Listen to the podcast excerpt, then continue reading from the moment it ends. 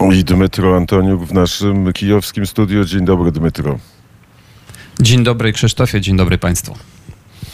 Nie wiem, czy słuchałeś malarza Bojana w Bułgarii za dwa dni wybory i zdecyduje się, czy wygrają socjaliści, czy też wygrają ci, którzy chcą wspierać Ukrainę w jej walce. A dzisiaj o tyle ważny dzień, że o 15 prezydent Putin ogłosi aneksję części terytoriów Ukrainy.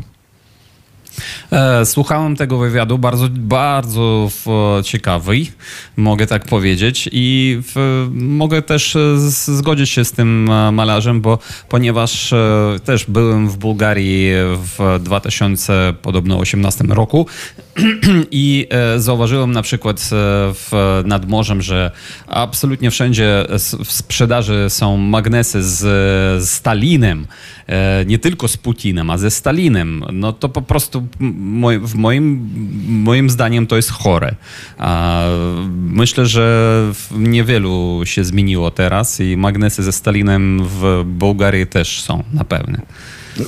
Jak przyjechaliśmy, przekroczyliśmy granicę turecko-bułgarskiej, zatrzymaliśmy się w takiej e, karczmie e, przydrożnej w jednym z pierwszych miasteczek i przywitało nas po piersie e, Lenina. Zapytałem się, kto to jest młodej, młodej dziewczyny, a ona powiedziała, to jest pierwszy prezydent Rosji. Tak odpowiedziała na moje pytania. Teraz wróćmy do tego, co dzieje się w Kijowie, co dzieje się na Ukrainie.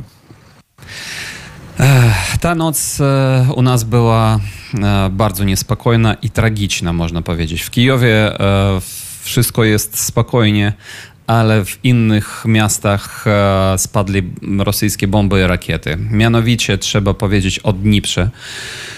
To miasto było ostrzelone dwa, dwa razy. W wieczorem i e, w nocy. E, wieczorem e, bomba typu H-52 uderzyła w zwykły, w prywatny budynek mieszkalny, w którym zabiła całą rodzinę. E, babcia, mama e, i dwóch dzieciaków 8 i 9 lat. E, został tylko ich ojciec, który walczy teraz w, na wojnie i jest pod Limanem akurat, gdzie trwa ofensywa ukraińska. I bardzo tragiczne też, dramatyczne zdjęcia na ruinach tego domu, którego w ogóle nic nie pozostało. Po, tym, po, po, po domu siedzi pies na, e, na imię Krym, e, który jedyny e, przeżył to i, i wyje. To po prostu no, łzy na oczach, kiedy to widzisz i czytasz o tym wszystkim. W nocy kolejne uderzenie w, w Dnipro i być może uderzyli e, rakietami typu Iskander, bardzo, bardzo kosztownymi.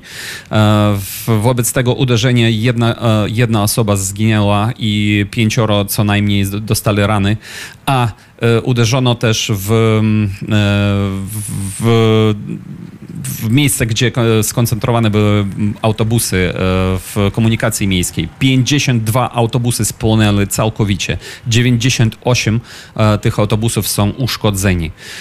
E, Dnipro e, Dnipro bardzo ucierpiał tej, tej, e, tej nocy. Tak samo jak i Mikołajów. W Mikołajów kolejny E, wystrzelone były rakiety typu S-300, być może e, też inne typy rakiet. E, w Zaporożu też donoszą, że było co najmniej 7 wybuchów różnych typów rakiet.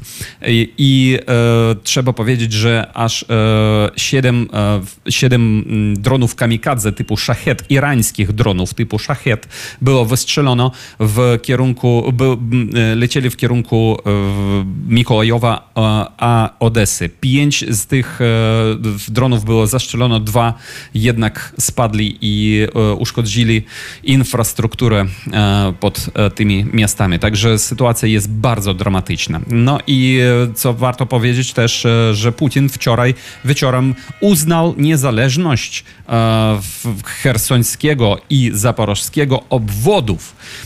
Być może to są takie, takie, takie jego kroki dlatego, żeby dzisiaj być może o 15 przyznać, że oni e, już należą do Rosji, ponieważ wszyscy rzekomo tam ponad 90% ludzi, którzy tam rzekomo głosowali na tym, ref, na tym referendum, też powiedzieli o tym, że chcą iść, być częścią Rosji. No, także Putin chce to ogłosić, ale jednocześnie w, w, w, tym, w, w tej chwili, kiedy Putin ogłasza, że na przykład być może ogłasza, że obwód doniecki i obwód łuhański i zaporożski i Charkow, hersoński przyłączenie teraz do Rosji, w tej akurat chwili trwa E, trwa ofensywa w obwodach charkowskim i donieckim pod Limanem, gdzie być może wojsko ukraińskie już otoczyło